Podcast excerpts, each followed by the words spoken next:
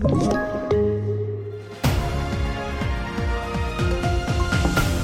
Svensk artist häktad för fridskränkning. Oroväckande signaler när ambassadpersonal skickas hem från Ukraina och ingen mat för 900 elever. Köket coronastängt. Ja, det är rubriken i TV4-nyheterna och vi börjar med att en känd svensk manlig artist i 30-årsåldern med miljontals lyssningar på Spotify har häktats av Skaraborgs tingsrätt på sannolika skäl misstänkt för grov fridskränkning. Artisten ska ha kopplingar till gängmiljön och brotten ska ha begåtts på flera platser i Sverige och Spanien mellan 2020 och 2022. P4 Skaraborg har varit i kontakt med mannens advokat som meddelar att mannen nekar till anklagelserna.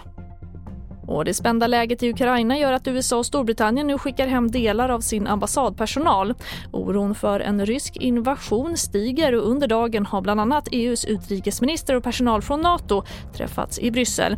I nuläget kallar Sverige inte hem anställda från Ukraina men utrikesminister Ann Linde säger att man har en beredskap. Och runt 900 elever i skånska Örkelljunga blev utan skolmat idag när samtliga köksanställda i kommunen är hemma sjuka eller i karantän. Matlagning åt äldre och förskolebarn prioriteras och elevernas föräldrar uppmanades därför att ordna matsäck åt barnen.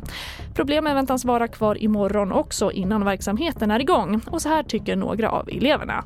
Tycker du om att det inte blev någon skolmat idag? Eh, tråkigt, men eh, ändå spännande att få ta med egen. Vad åt du då? då? Eh, jag tog med eh, fyra mackor med köttbullar, ost och eh, dansk salami. Eh, vad tycker du om att det inte blev skolmat idag? Jag tycker det är bra. Varför det? Ja, för jag gillar inte den. Nej, okay. Vad åt du istället då? Ja, det blir en sallad på Coop.